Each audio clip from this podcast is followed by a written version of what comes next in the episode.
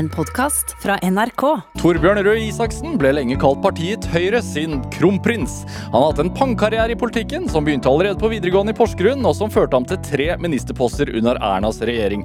Men nå har han vinket farvel til Høyre, til fordel for en jobb som samfunnsredaktør i nettavisen E24. Dette er Drivkraft med Vegard Larsen i NRK P2. Torbjørn Røe Isaksen, velkommen hit til Drivkraft. Takk skal du ha. Takk skal du ha. Godt å ha deg her. Ja, fint å være her. Hvordan har du det? Du, um, det spørs på hvilket nivå du spør, egentlig. Sånn uh, helt sånn på det personlige nivået så har jeg hatt uh, litt Ja, vært litt tøff tid uh, i det siste. Eh, For jeg hadde mistet en nær venn, eh, som også var sta statssekretær hos meg i mange år. Jeg gjorde det tidlig forrige uke, så det, det var, var et sjokk og veldig trist. Og så er det jo mye å bekymre seg over sånn i verden også. Eh, Men sånn på mellomlang sikt, så på mellomnivået, så har jeg det bra. Du er Slår meg en fyr som generelt har det liksom ganske greit. Ja, jeg er sånn ganske på det jevne, men jeg, har ikke, jeg er ikke mannen for de sånn store oppturene heller. Altså, det må jeg innrømme. Så jeg er ikke en sånn Jeg trodde en gang i tida at jeg var en sånn blid, positiv type. Eh, og så fortalte jeg det til kona mi, eh, mulig hun da var bare samboer, men eh, og så begynte hun bare å skogle. Eh, for det, for det, hun, hun oppfatta meg ikke sånn, da. Nei. Nei. Er det Du er jo nå eh, samfunnsredaktør i, i E24, eh, og, og på ganske kort tid Altså, du tok over den jobben eh, to, to måneder siden. Ja, stemmer. Eh, og på to måneder så har verden forandret seg vesentlig. Eh, og du har måttet skrive om ting du kanskje ikke tenkte du skulle skrive om. Nei, det er helt riktig.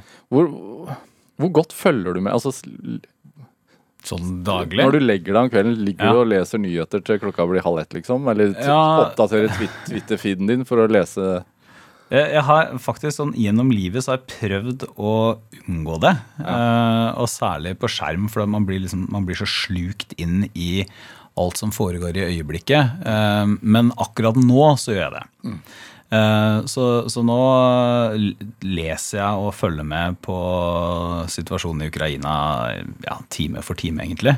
Men så er det jo et eller annet med å klare å eh, ikke bare se det som foregår akkurat nå, men også prøve å fange litt av hva er det som skjer bakenfor. Altså hva er de, hva er de store endringene som dette kan føre til. Mm.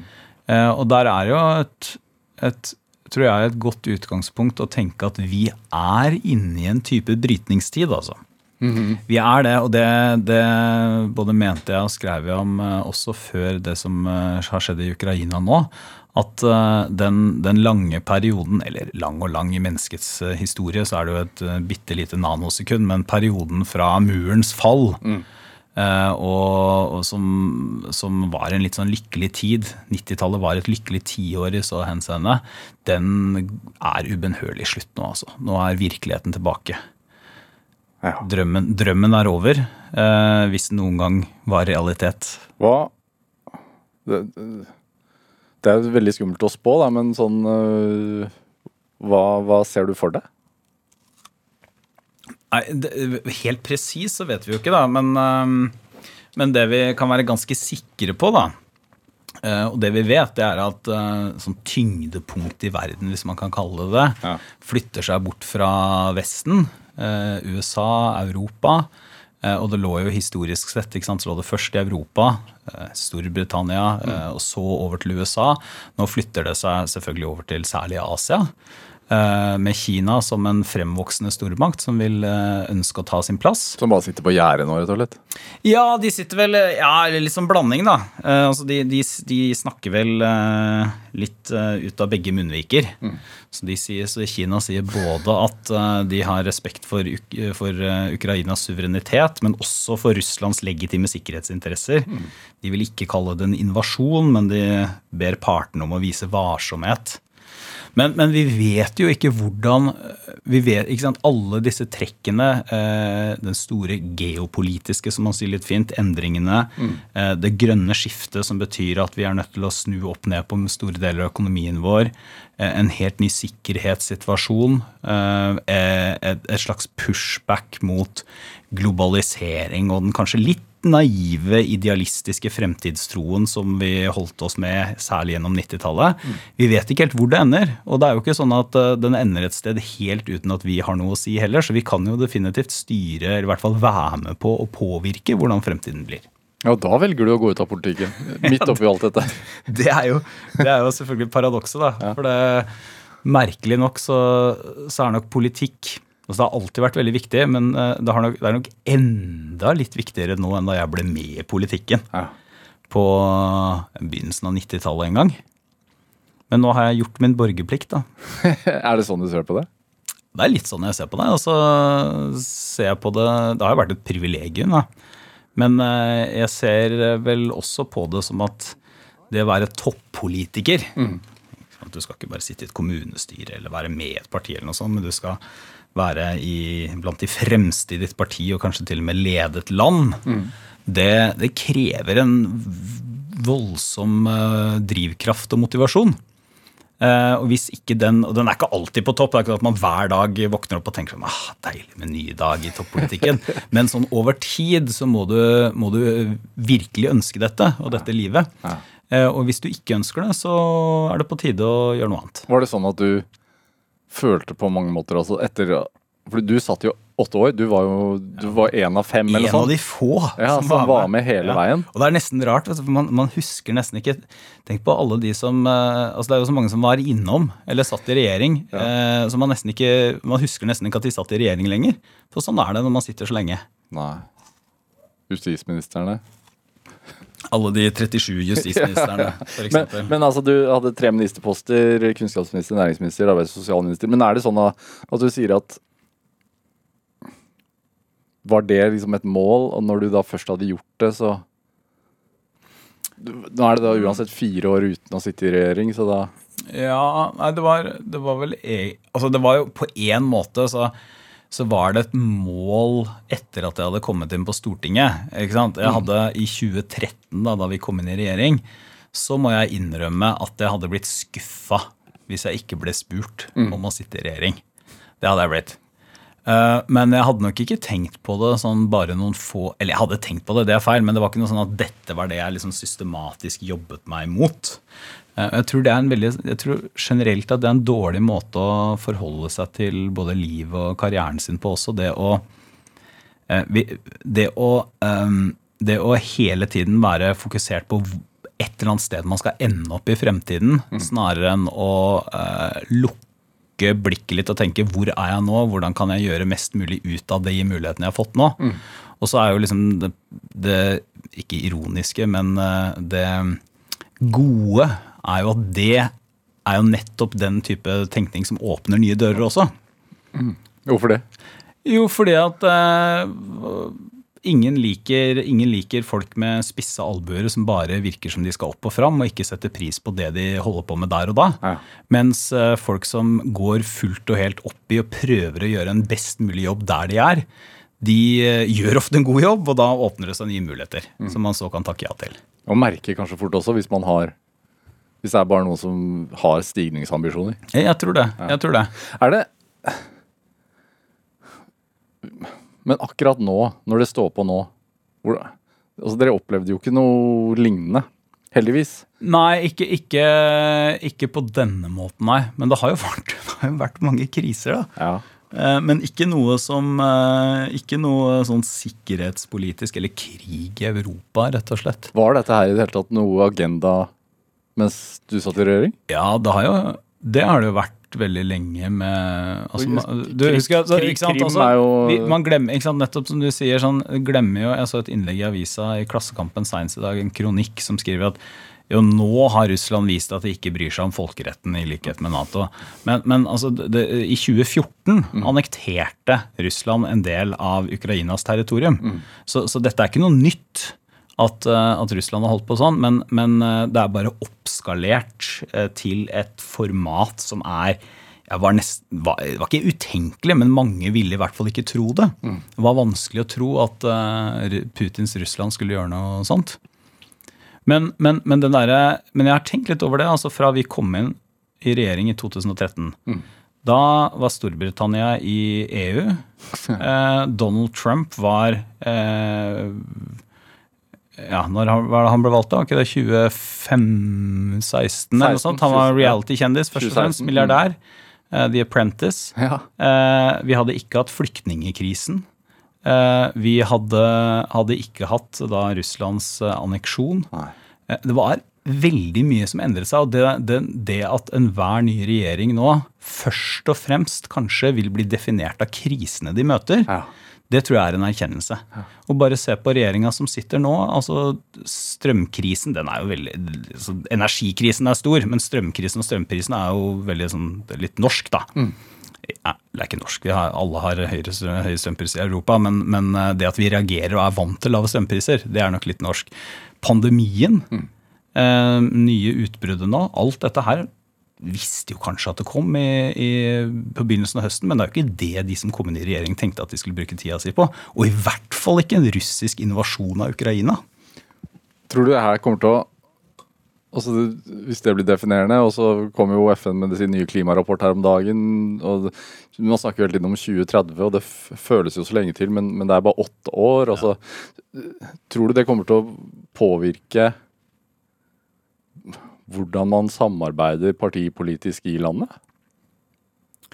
Kanskje. Vi så jo det under, altså Da dere satt Ja. altså under første lockdown, så ble jo Ja. alle, alle gode venner, holdt jeg på å si. Ja, ikke sant? Man samarbeidet mer. Men jeg, jeg tror Det er jo en sånn tradisjon i norsk politikk for at man prøver, i hvert fall de såkalte styringspartiene, da, så kan man diskutere det begrepet, men jeg mener at det har verdi. Altså at man prøver å finne sammen når det er vanskelige tider for landet, Ja. og også om store kompromisser. Så jeg tror vel det viktigste vi kan gjøre i Norge, det er jo å ikke gi slipp på det. For det ser vi jo i mange andre land hvor, hvor de demokratiske institusjonene er under press, og hvor du får veldig sterk polarisering i befolkningen. Så, så det, det bærer bensin til eh, et bål som gjør at politiske kompromisser om de store linjene er umulig. Da blir alt blir politikk, og ikke bare politikk, men det blir svart-hvitt politikk, hvor motstanderen ikke bare er eh, en motstander, men god eller ond. Sant. Men se jo det nå. EU har aldri vært sterkere, føler jeg. Nei, kanskje, kanskje akkurat nå, så får vi se. Ja. Får vi se. Men er det, altså det her om dagen, så var det i går, så skrev du om løgnens impi, imperium E24. Ja. Om løgn og propaganda. ja. Eh, og Putin. Er det hvor mye, hvor mye er det av dette her i moderne politikk? Nei, det, det, det var jo Putin som selv i går brukte begrepet løgnens imperium da, om Vesten. Ja. Eh, og, og jeg tror det er viktig å, å liksom nøste opp litt, for det, det som ikke er så interessant nå, syns jeg, det er Altså det er veldig fint alle som um, uh, altså Hvis du alltid har tenkt at Russland kommer uansett til å gjøre alle de verste tingene som tenkelig kan uh, gjøres, og det er det mest realistiske scenario, så, så selvfølgelig nå viser det at du har rett. Og det er, er nok et viktig blikk opp også på, på Russland. Men jeg syns jo det, det interessante nå, det er jo å prøve å se på altså, ikke bare hvorfor um, amerikansk og britisk etterretning for eksempel, ble mistrodd. Mm. For da, dette kom jo ut. ikke sant? De, de gjorde noe helt uh, Amerikansk etterretning, eller de har sagt det til i De har sagt det til hele verden. Altså, ja, de, ja, sa, lang de sa i lang tid Putin kommer til å invadere. Det foreligger planer. Mm. Eh, Britene sa Putin har tenkt, eller Russland har tenkt å invadere. De har planer for å ta Kiev.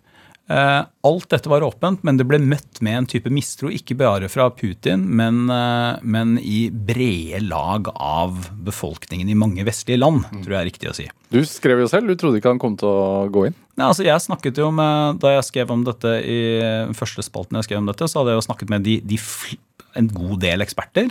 Og alle mente at det var, det var en mulighet at med en fullskala invasjon, men det var ikke den mest sannsynlige muligheten.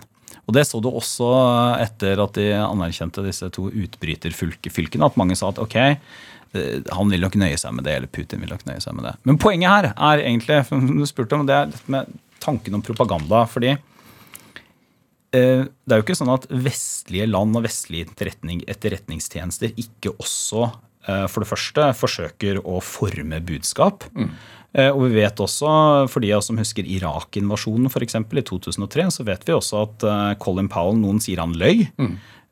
Noen sier at han bare trakk eh, fakta og etterretningsinformasjonen for langt. Eh, Poenget er at vi vet at, vi vet at det er ikke slik at vi skal stole på alt hele tiden.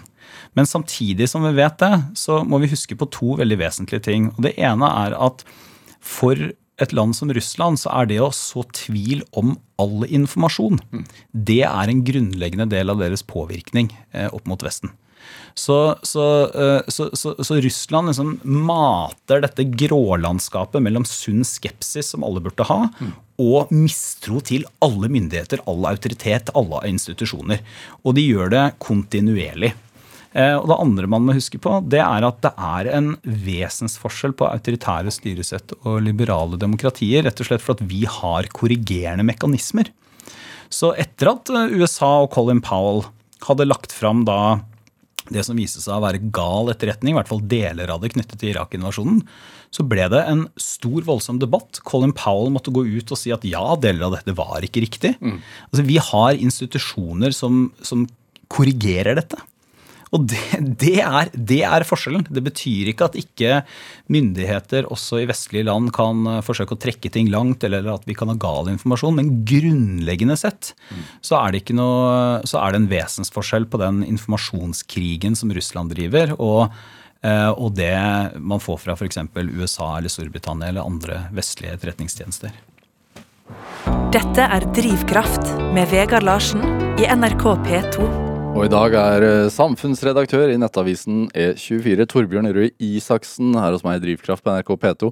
Hvor stor fordel er det for deg når du nå skriver kommentarer om dette, sånn som i går da du skrev eh, om, om Russland og og Putin og løgn og propaganda, med din bakgrunn i, i, i politikk? Det er en kjempefordel, tror jeg, rett og slett. Ja. Um, Hvilken fordel har du som ikke andre samfunnsredaktører har? at, at jeg har sett hvordan dette fungerer fra innsiden. Ja. rett og slett. Så, så politikken Jeg har lagt merke til at presse og politikk har veldig de har veldig sånn mytologiserende syn på hverandre.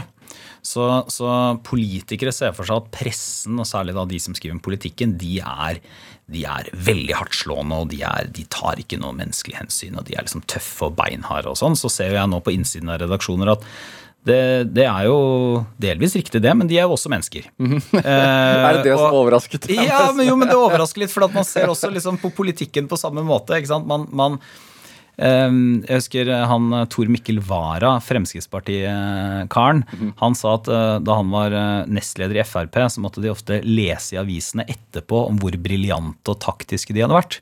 Og så var det egentlig bare enten noe de hadde sagt, liksom en bisetning eller et arbeidsuhell, eller noe som bare hadde kommet ut på en bestemt måte.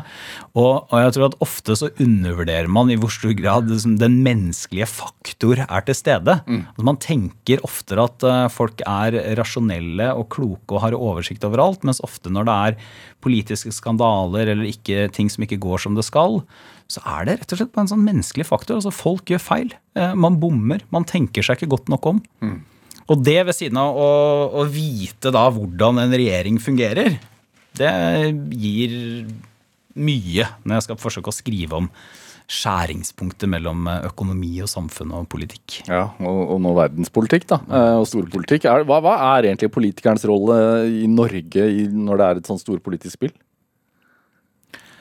Det, det, er, det er jo um, altså Først og fremst det vi ser sånn på overflaten, så er jo det, det Norge gjør, er jo at vi, vi eh, samler oss eh, med våre allierte. Så det er liksom bud nummer én i Norge. Så Vi er ikke med i EU, men vi følger EU tett. Vi er jo med i Nato, så vi følger selvfølgelig Nato tett. Vi er nære allierte av USA etc. etc.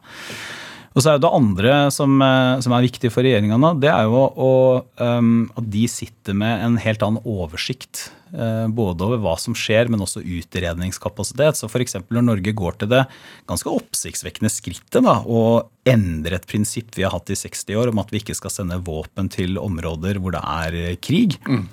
Så, så, så er det ingen på Stortinget som egentlig sitter med den samme kapasiteten til å overskue konsekvensene over det som en regjering gjør. Så det er viktig for dem. Og så er det viktig at de kommuniserer med befolkningen. Det er også en helt sentral del, fordi at forståelig nok så er mange nå bekymra. Altså dette er, eh, dette er jo eh, Ukraina er et stykke unna Norge, men det er en krig i hjertet av Europa, og Russland er vårt naboland. Tenk på det, altså. Russland er, det slo meg faktisk her om dagen at Russland har felles grense med både Kina og Norge. helt utrolig. Er det, har du vært i Russland? Ja, ja, det har jeg. Har, har du møtt Putin? Nei, jeg har ikke møtt Putin. Men jeg har møtt president Xi, eh, Xi Jinping i eh, Kina. Men Putin har jeg ikke møtt. Jeg har ikke møtt noen sånn på høyt nivå i eh, Russland. Jeg har gjort det i Ukraina. Ja. Er, du- er du engstelig, da? Du sier at du forstår at folk er det, men er du det? Eh, ja, men ja, jeg er, jeg er en litt sånn uh, bekymra type, da. Ja. Eh, så, så jeg er jo blant dem som i, i 15 år, eller i hvert fall 10 år, har ment at sånn, vi, er ved et, eh, vi er i en brytningstid, og verden kommer nok til å bli litt dystrere de neste ti årene enn det den har vært nå. Men jeg mener det er viktig også å være engstelig, bekymret for de riktige tingene. Så, eh, så vi, vi eh, vi burde være bekymret fordi at dette er, er en dramatisk situasjon, og det vil få konsekvenser også for europeisk sikkerhetspolitikk og kanskje også økonomi i, i lang tid fremover. Men, eh, men jeg er ikke foreløpig sånn bekymret at jeg ligger våken på natten og tenker på om det skal bli atomkrig. Nei. Eh, Men den der bekymringen er Altså Man skal ikke kimse av den. Jeg husker da, da, da Donald Trump ble valgt, så snakket jeg med noen venner om at for første gang så altså at Jeg trodde det skulle bli borgerkrig i USA. eh, Og det er fortsatt en veldig svak analyse, de som mener at det kan bli borgerkrig i USA. er noen som har prøvd å hevde det. Men, men det, at i det, i det, det at det ikke virket helt far out ikke sant? Det virket ikke som total science fiction. Det var en sånn dramatisk endring i måten å tenke på. Og, og det som har skjedd i USA for eksempel, og skjedde de fire årene under Trump, var jo tror jeg, forbi de flestes villeste fantasier. Eh, og, og derfor er den der liksom grunnleggende bekymringen det er noe jeg verdsetter. Altså, jeg tror Man skal ikke la seg sluke av det, men det å være den som er litt skeptisk når de største entusiastene klapper og sier at nå går alt bra, og verden går i riktig retning, og her er det egentlig ingen problemer, og det liberale demokratiet vil seile frem og seire. Ja, Obama blir valgt, liksom. Og så Ja, ikke sant? Og så- er det jo ingen som, ingen som har lyst til å velge Man har ikke lyst på en president i USA som sier at nå blir alt mørkere og vanskeligere. Man har lyst på en som sier hope Ja. og change. Ja. Men, øh, men øh, samfunnet vårt trenger noen som sitter øh, litt sånn skeptisk i hjørnet med armene foldet øh, og sier sånn Ja, men har du tenkt på det, da? Ja. Er du den personen? Jeg, jeg har, føler meg jo litt som det, da. Jeg leser jo analyser nå på nettet om at dette er sånn langsiktig strategisk spill eller fra, fra Russlands side. At, og altså at de var med å påvirke eh, valget i Storbritannia, om eh, de skulle være med i EU eller ikke. Altså det, er, det er veldig mye det er mye teorier som er ute og går nå. Ja, og at det er langsiktig, det altså hvor, hvor detaljert det er langsiktig, det vet man ikke. Men at, det er en, at Putin har hatt en langsiktig plan om at Russland måtte ut av den marerittsituasjonen de var i eh, på 90-tallet, hvor det var en ikke bare en falmet stormakt, men, men hele samfunnet knaket i sammenføyningene. Det er det ikke noe tvil om. Og jeg tror også at det er en ting som jeg syns er slående også i Norge, eller kanskje særlig i Norge, og det er at vi, vi har en tendens til å være litt historieløse. Altså vi, vi husker selvfølgelig andre verdenskrig og, og har 17. mai-taler om det, og sånn, men det å, det å se de lange linjene i historien, det å, å skjønne f.eks.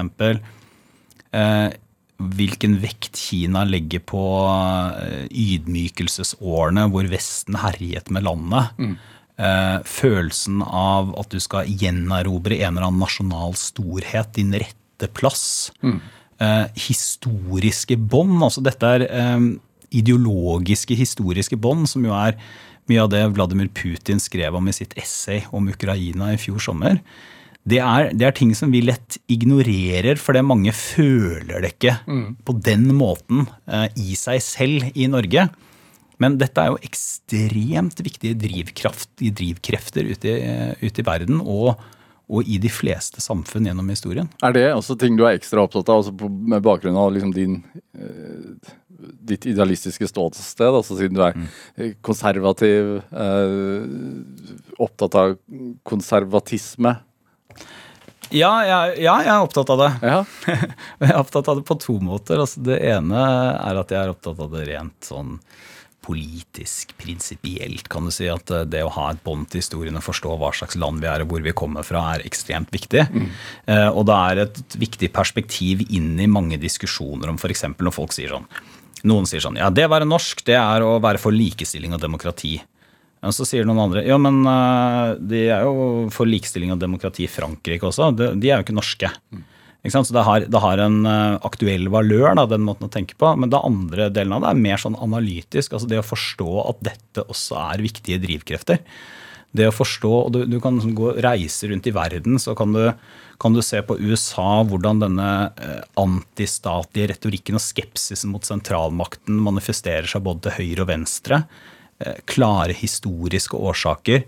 Um, Japans uh, historiske selvbilde, hvordan det, og i og for seg opptreden under andre verdenskrig, hvordan det fortsatt former uh, forholdet mellom f.eks. For Japan og Sør-Korea, som begge er allierte med USA. Mm.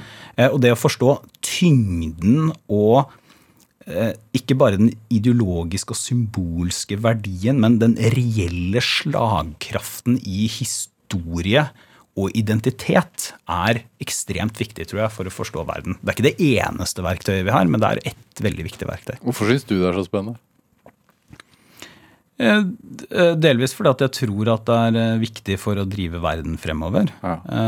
At det er e, et av de aspektene som er med på å, å forme verden og forme vurderinger. Men så er det også fordi at det er noe jeg ofte savner da i norsk, i norsk samfunnsdebatt. Mm. Altså det blir um, Hvordan, På hvilken måte burde det tatt større del? Kanskje, kanskje, en større historiebevissthet. Da. Jeg syns denne diskusjonen om norsk identitet kanskje er symptomatisk eller illustrerende i så måte. Fordi eh, det er jo helt ta, ta, dette eksempelet som mange skriver, at jo, men å være norsk det er jo eh, noen verdier som demokrati og likestilling. Mm. Eh, men det er det jo helt åpenbart ikke. Eh, altså da, det, er mange andre land i verden som har både demokrati og likestilling. Eh, og det kan jo ikke være det at vi er litt mer likestilt enn Frankrike, som gjør oss norske. Mm. Så det å skjønne at det som gjør oss norske, det er en veldig bestemt historie. Noen historiske erfaringer som ligger i vårt kollektive minne, og som er med på å forme hvordan vi ser på verden, mener jeg er viktig for å forstå Norge, og det er viktig for å forstå hvordan man skal eh, operere i debatten også om hva det er å være norsk. Ja. Hvorfor det, ja, men hvorfor er det viktig å definere det i det hele tatt? Med flytende grenser og Altså vi, eh, for, fordi at eh, hvis man forsøker å rive ned eller fratar folk identiteten deres, mm. så fører jo ikke det til at de bare fyller på med noe nytt. Altså Du kan ikke fylle på med um, Netflix-serier og flatskjermer og hytter uh, for å kompensere for en identitet som er borte. Uh, og, og, og, det mener jeg også er dette, Noen vil kanskje da høre, høre noe som høres veldig sånn uh, konservativt rotnorsk ut, men jeg mener dette også er viktig for å forsøke å, å få en forståelse for å lese de som har ja, nå kaller vi det vel minoritetsbakgrunn. Hvor, hvor, hvor, det å f.eks. legge vekk sin pakistanske arv, eller legge vekk sin somaliske arv, eller legge vekk sin, sin arv fra et annet sted, er et veldig urimelig krav i den forstand at Eh, det ignorerer hvor viktig nettopp historie, identitet, kultur er for folk. Mm. Så det vi må forsøke å gjøre, er jo eh, på en eller annen måte bake dette inn i det norske. Altså det norske har forrang i Norge. Eh, men, men det å være norsk er ikke akkurat det samme som det var for 50 år siden. Og det, det var det for øvrig heller ikke for 50 år siden kontra 50 år før det igjen. Men hva er altså, hva er det å være verdikonservativ? Også, sånn, også, hva er, ja, er dette du hører på nå? Ja, det er det. Ja. det er liksom, ja. Er det? Så kan det være litt sånn, altså det, det, men mange tenker jo på det som Hva er det for noe? Det er liksom å gå med slips på, ja. på søndagsmiddagen. Ja, fordi du, eh, da du begynte å gå, være med på TV-debatter og sånn, og, og, og, frontet din idealisme, da, ja. så gikk du jo med baggy jeans. Ja, ja. Jeg husker jo det. Ja. Det var jo et slags sånn opprør mot uh, nettopp den der klisjeen av hvordan folk i Unge Høyre skulle se ut. da. Ja. Så da plukket jeg meg mye sånn baggy jeans og sånn lenker og Fretex-dresser og sånt. Ja, med, med, med overlegg. Sånn i, Ja, altså ikke med, ikke, Det var ikke så kalkulert, men det, for jeg begynte med dette her etter at jeg hadde vært i USA som 16-17-åring. Men, eh, men jeg, tok, jeg fant stor glede i at folk sa sånn Ja, du ser ut som en SV-er. eller, eller et eller annet enda lenger ut. ja. Jeg fant stor glede altså at jeg ikke kunne liksom, plasseres i en bås sånn utseendemessig. ja men, men også Liker du det? At det er vanskelig å plassere deg i en bås?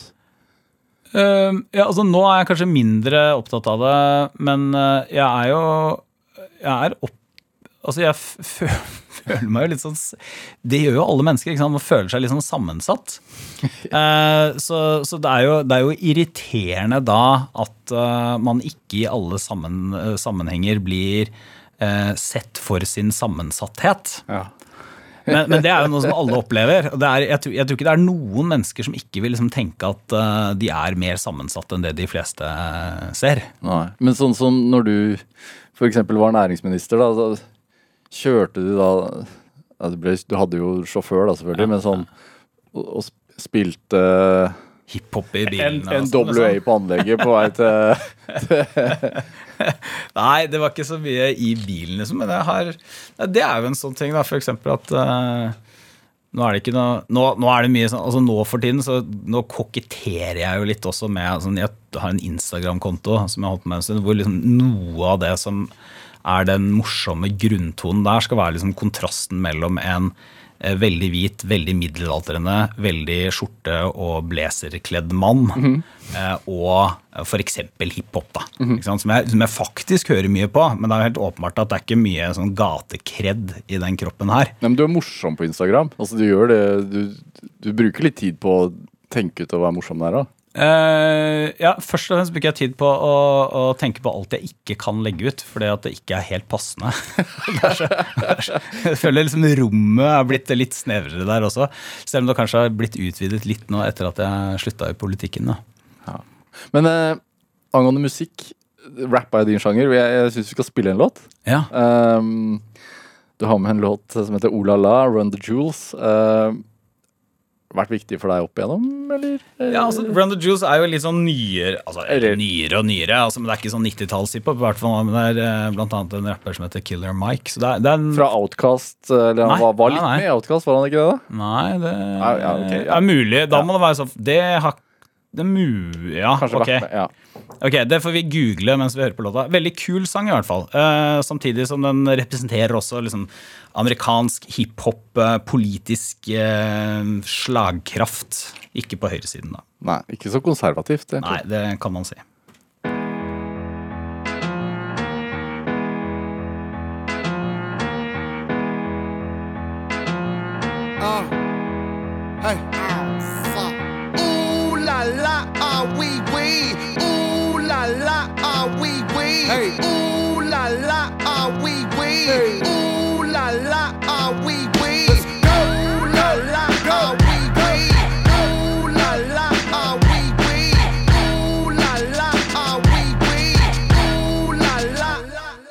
Looking for M's like I lost a friend. Jump out of my bed like where the bread. You go hold the egg. Waiter, bring the check. When we talk, we cars. Keep us in your thoughts, fully dressed at the crack of dawn. Weapons heading off. I can hear them from the block. See them creeping through the fog. Season's greetings, now feeding season can start. Oh my god. Look alive. Looking like I live life on a crooked line. Doing fine. You want maximum stupid? I am the guy. First of all, fuck the fucking law. We is fucking raw. Stay tartar. Oysters on the half shell. Sushi bar. Life a bitch and the pussy fish. Still fuck the raw. I'm a dog. I'm a dirty dog. Ha ha ha ha. Oh, dirty bastard. Go in your jaw. shimmy, shimmy, y'all. Got the simmy in the hemi. Go and gimme, gimme, y'all. Pugilistic, my linguistics. RJ Ruler damage, y'all. And I rap it pornographic. Bitch, set up the camera. Ooh la la,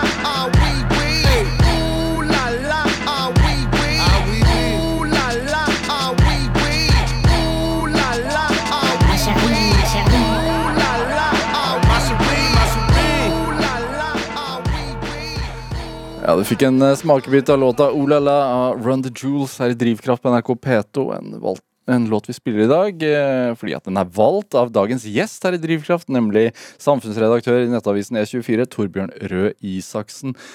Er det, er det, Syns du det er rart fremdeles å bli presentert som samfunnsredaktør? Jeg vet hva, Det gikk overraskende eh, raskt. At det ikke føltes rart lenger. Men altså, det, rap du, altså, du er fra Porsgrunn? Ja. Eh, Mean Streets of Porsgrunn. Mean Streets of Porsgrunn, ja. Uh, Porsgrunn, hvordan Hva slags sted er det å vokse opp? Vokste opp på Det, det er en, en helt vanlig mellomstor by i Norge.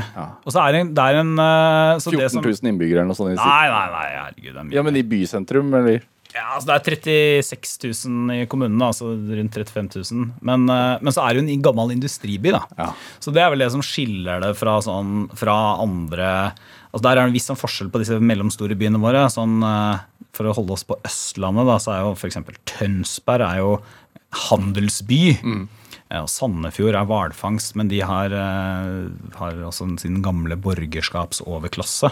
Så Porsgrunn er, først og fremst da industri, har vært liksom det tradisjonelle. I hvert fall de siste ja, Arbeiderklasseby, egentlig. ja, det har nok vært det. Så, så det var ikke, eller, og, og er det fortsatt. Så det var ikke, mye, det var ikke mange høyrefolk i Porsgrunn, altså. Eh, Det har ikke vært noen by som Høyre har eh, har ikke vært noen Høyre-bastion, for å si det sånn. Hvordan var barndomshjemmet til Røe Isaksen, da? Du, det var, eh, det var veldig fint, eh, syns jeg. Bodde, bodde i rekkehus, har to foreldre som er lærere. Eh, og så er kommer jeg fra Stridsklev, samme sted som Petter Stordalen for øvrig. Han er jo som den største kjendisen derfra. Eh, som er et sånt område hvor det er liksom litt blokker og det er litt rekkehus og litt eneboliger. og sånn, Så det betyr at du fikk en veldig sånn god miks. da. Sant? Man går jo på skole med alle som bor der, og det var litt eh, forskjellige folk til den tiden å være, i hvert fall. Hvordan var du, da? Det, um, altså, jeg var, eh, var litt sånn bråkete på barneskolen. Munn, altså munnrapp? Ja, ble ofte liksom sendt litt på gangen og sånn, men så gikk det over, og så var jeg vel en sånn Var nok litt sånn seminerdete, altså. Jeg hadde eh, Men jeg hadde eh, Jeg var veldig opptatt av for eksempel, jeg, jeg var veldig opptatt av norrøn mytologi. Jeg var veldig opptatt av Julius Cæsar, den romerske hærføreren. Eh, og hadde sånn, husker jeg hadde sånn sitatbok hvor jeg skrev ned sånn latinske sitater. og sånn, og Det er klart det var ikke veldig mange andre på Stridskløv i Porsgrunn som holdt på med det. Men Var det pga. Astrix? eller var det Nei, nei, det var bare Jeg hadde lest noe sånn Verdens store hærfører eller noe sånt, og så syntes jeg det var veldig spennende.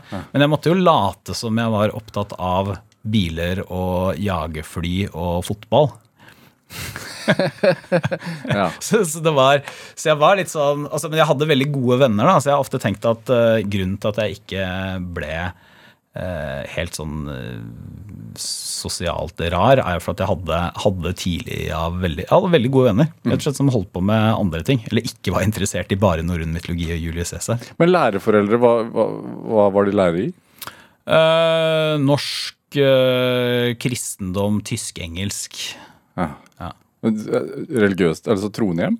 Ja, ja. det også. Så, men, eh, men på en sånn Det er mange som spør om det. Så, jeg tenker, så, så har jeg prøvd å forklare det å, å være i et sånn vanlig statskirkehjem. Ja. Altså for at Det er mange som forteller sånn Jeg kommer fra et kristent hjem. Så er det veldig sånn Ja, vi var Fem ganger i uka var vi i kirka, og det liksom dominerte alt vi gjorde. Sånn, sånn var det ikke hjemme hos oss. Vi, men jeg var med, vi gikk i kirka sånn med jevne mellomrom. Uh, husker ikke at vi liksom sa, snakket om det noen gang, eller vi har aldri bedt bordbønn eller noe sånt. Men eh, så var jeg med i sånn kristent barnekor og sånt. Men det er et va vanlig, vanlig kristent hjem i Norge. Ofte så føler jeg at sånn det, når folk snakker om liksom kristen oppvekst i Norge, så er det liksom enten Philadelphia-menigheten eller eh, Ikke at det ikke kan være vanlig, det også, men det er liksom ofte litt mer sånn eh, karismatisk og schwung over det. da. Var det konservativt hjemmet ditt? Ja og nei, på en måte. Altså ikke konservativt på den måten at mamma og pappa har, de var aldri strenge. Eh, De var opptatt av at man skulle altså, var strenge hvis jeg bråka på skolen, og sånn, men det var aldri sånn at jeg måtte komme hjem tidlig. og Alltid veldig sånn tillitsbasert. da. Eh, Men konservativt på den måten at eh, vi husker vi spiste liksom søndagsmiddag. Da tok man på seg litt pene klær og så satt i spisestua og sånn. Så det er jo et, det er et småborgerlig hjem, da, vil jeg si. Hvor kommer den lærdommen fra, eller den tradisjonen, tror du?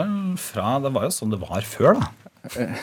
altså, det, det er jo Normen i Norge er jo ikke at liksom ah, Nå er det søndag, nå slapper vi av med noe takeaway foran uh, Nei, men hva, er, det noe, er det noe borgerskap ute i Å ja, sånn i familien, ja. Ja, altså eh, Ja, eh, så mamma Pappa kom fra sånn jord, altså bondefamilie.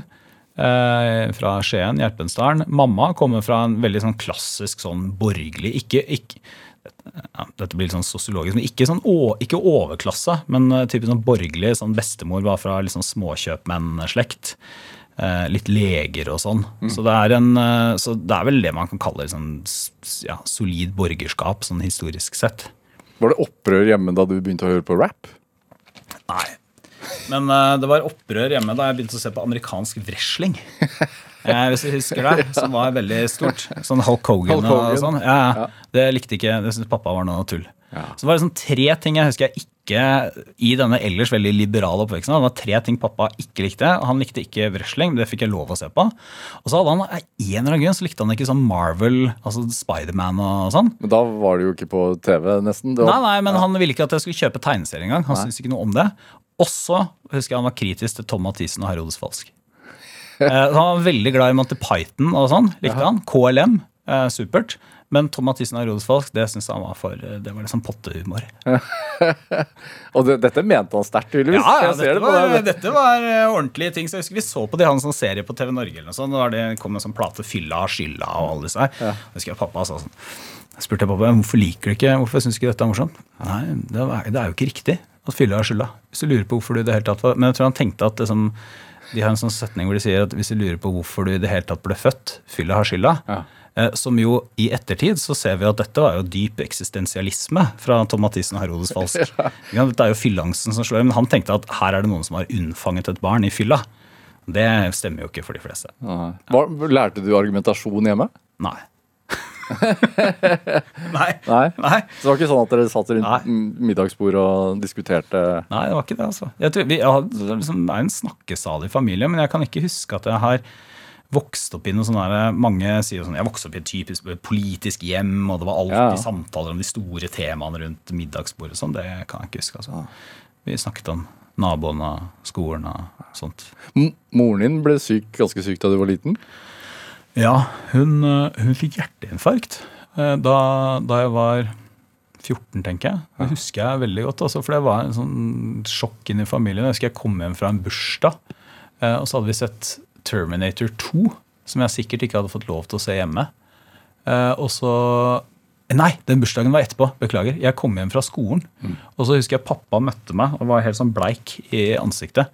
Og fortalte at mamma hadde havna på sykehuset. Og da var hun var under 50. Eh, og ble sykemeldt etterpå eh, i lang tid. Eh, og så til slutt så klarte hun å komme seg tilbake til halv jobb, da, for hun hadde veldig lyst til det, men hun ble halvt ufør også. Men det, det har jeg skjønt sånn i ettertid også, at det var en sånn opplevelse som sitter litt i. da. Hva, hva gjør det?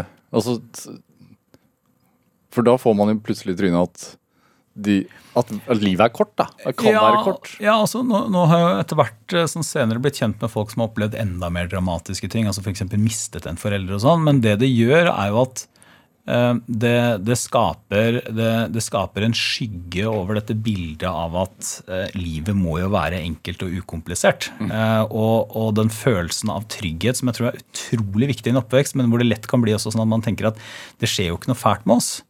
Eh, og dette var jo en tid hvor det var ikke så mye fælt som, som skjedde. Sånn, de hadde solide jobber og eller jobbet i skolen. Da. Og, og verden virket, husker jeg, sånn Det var etter Berlinmurens fall og sånn. Så, så det var en følelse av bare at vi er sårbare. Eh, Så det, og det har nok, eh, tror jeg, preget meg mer enn jeg tenkte på da jeg var ville, Hvis du hadde spurt meg da jeg var 18, så har nok det preget sånn synet mitt på ting. da. Har du påvirket valg du har gjort også? Jeg begynte, jeg husker jeg begynte å trene. Uh, for, for det, og det er ikke for å se kjekk ut eller for sånn eh, hva heter man, sommerkroppssesongen eh, 2000 og et eller annet. Men rett og slett for det, uh, som jeg sa til alle, hvorfor har du begynt å trene? Jo, fordi at jeg helst ikke vil dø for tidlig. Eh, så, men det var litt spøk, da. Eh, altså, det var sant at det var det jeg tenkte. Men jeg tror kanskje ikke det har påvirket andre valg jeg har gjort. Det tror jeg ikke. Men den angsten der, altså hypokondri, har fulgt deg?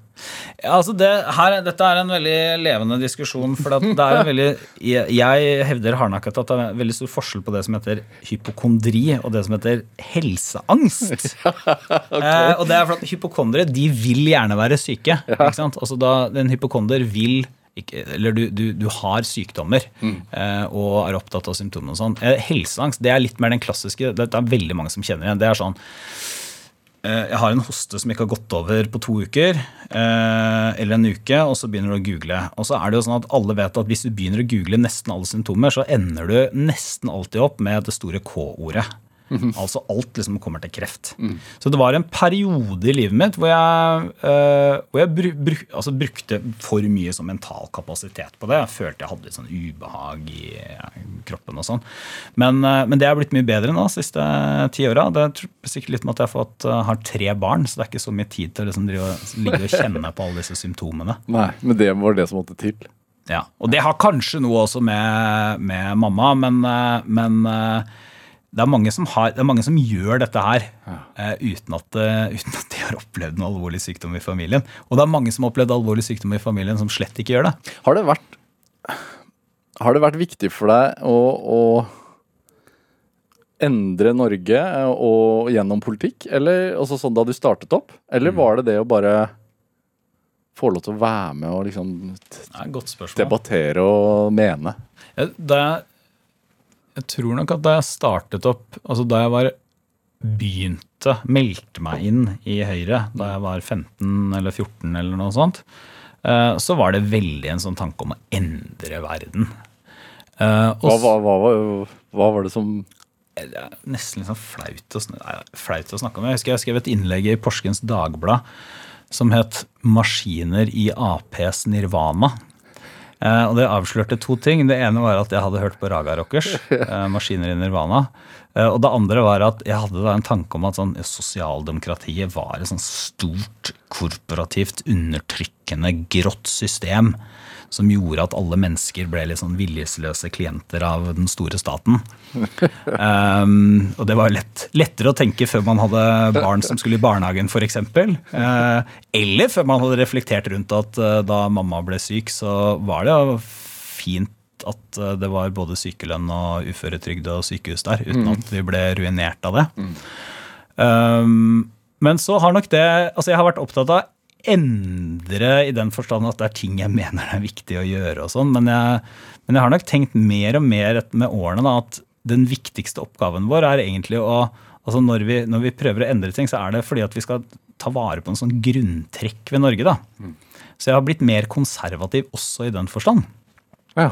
Har mer sånn respekt for, uh, for hvem vi er som land. Altså Hvis du hadde spurt meg for 20 år siden, så ville jeg sikkert tenkt sånn USA, for et land. Uh, og det er masse flott og imponerende med USA, men det er veldig grunnleggende å tenke at uh, det ville være en fryktelig idé hvis Norge forsøkte å være som USA. Men din, din opplevelse av hva Norge har vært som land. Er jo, har jo i stor grad blitt påvirket og, og, og preget av Arbeiderpartiet, f.eks.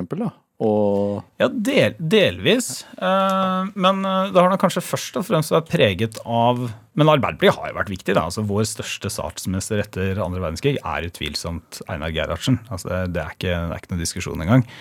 Eh, men eh, samtidig så har det også vært preget av nettopp de periodene hvor Arbeiderpartiet hva skal man si? De, de, Arbeiderpartiet valgte jo demokratiet og de gradvise endringene fremfor revolusjon. Dette kunne jeg snakket om i en time, men det skal Ja, jeg det skal spare både deg og lytterne for.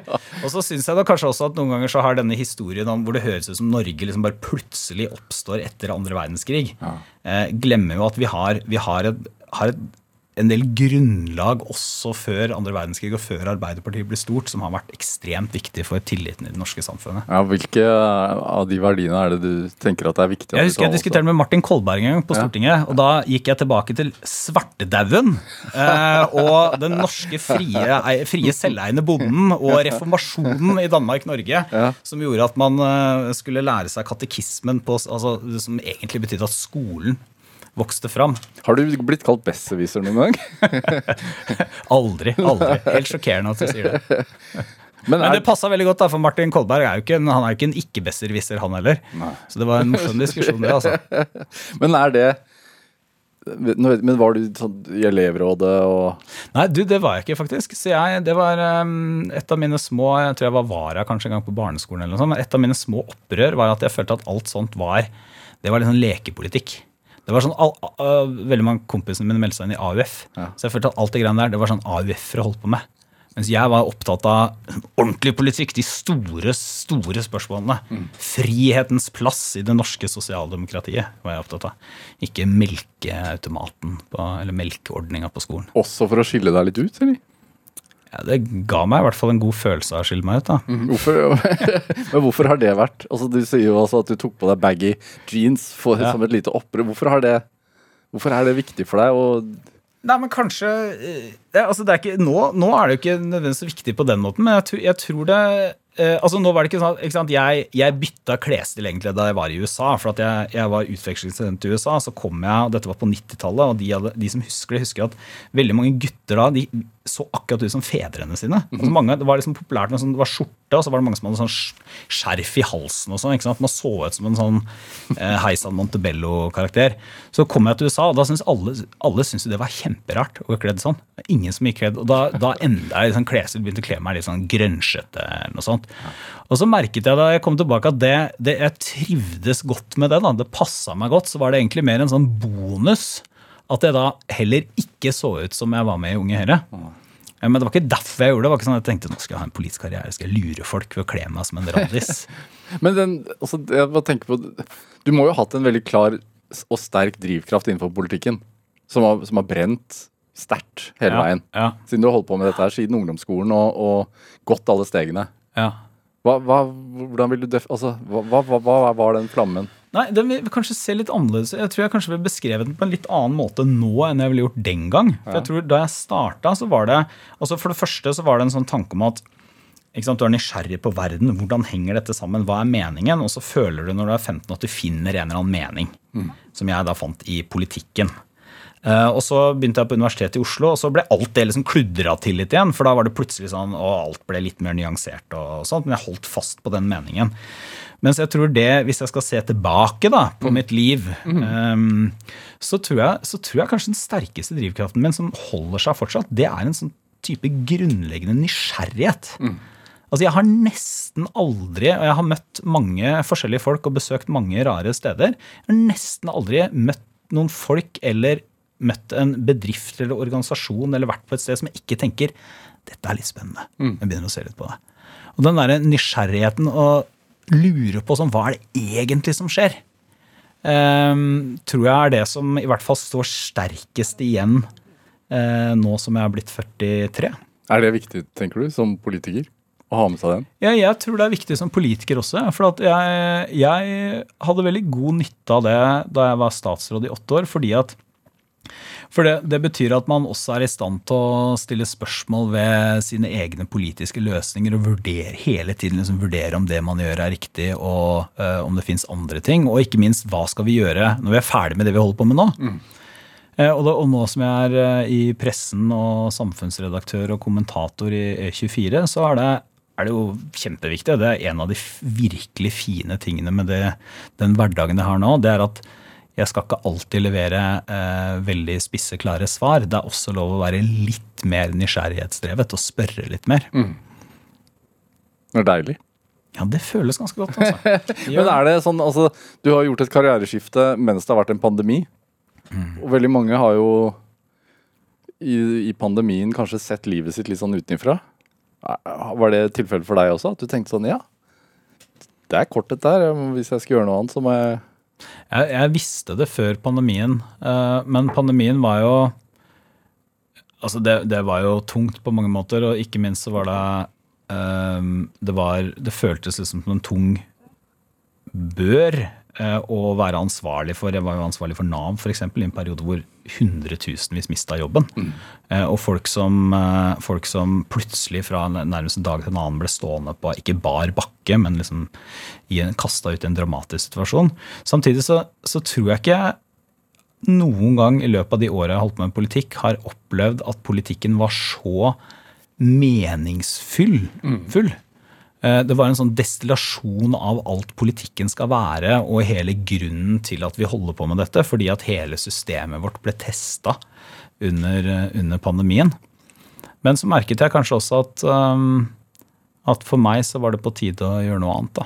At det var, en, det var en riktig beslutning, men den hadde jeg allerede tatt. Få mer tid til å være sammen med både altså barn og, og, og kone, kanskje? Vet du hva, Det kan jeg si nå som jeg er ferdig i politikken. at det, eh, Jeg sa det, eh, og det, jeg får litt mer tid med sammen med familien, men det var ikke en hovedgrunn. altså. En hovedgrunn var rett og slett at eh, jeg, jeg følte at jeg hadde liksom Jeg hadde, jeg hadde spilt, eh, spilt den eh, rollen ferdig, rett og slett.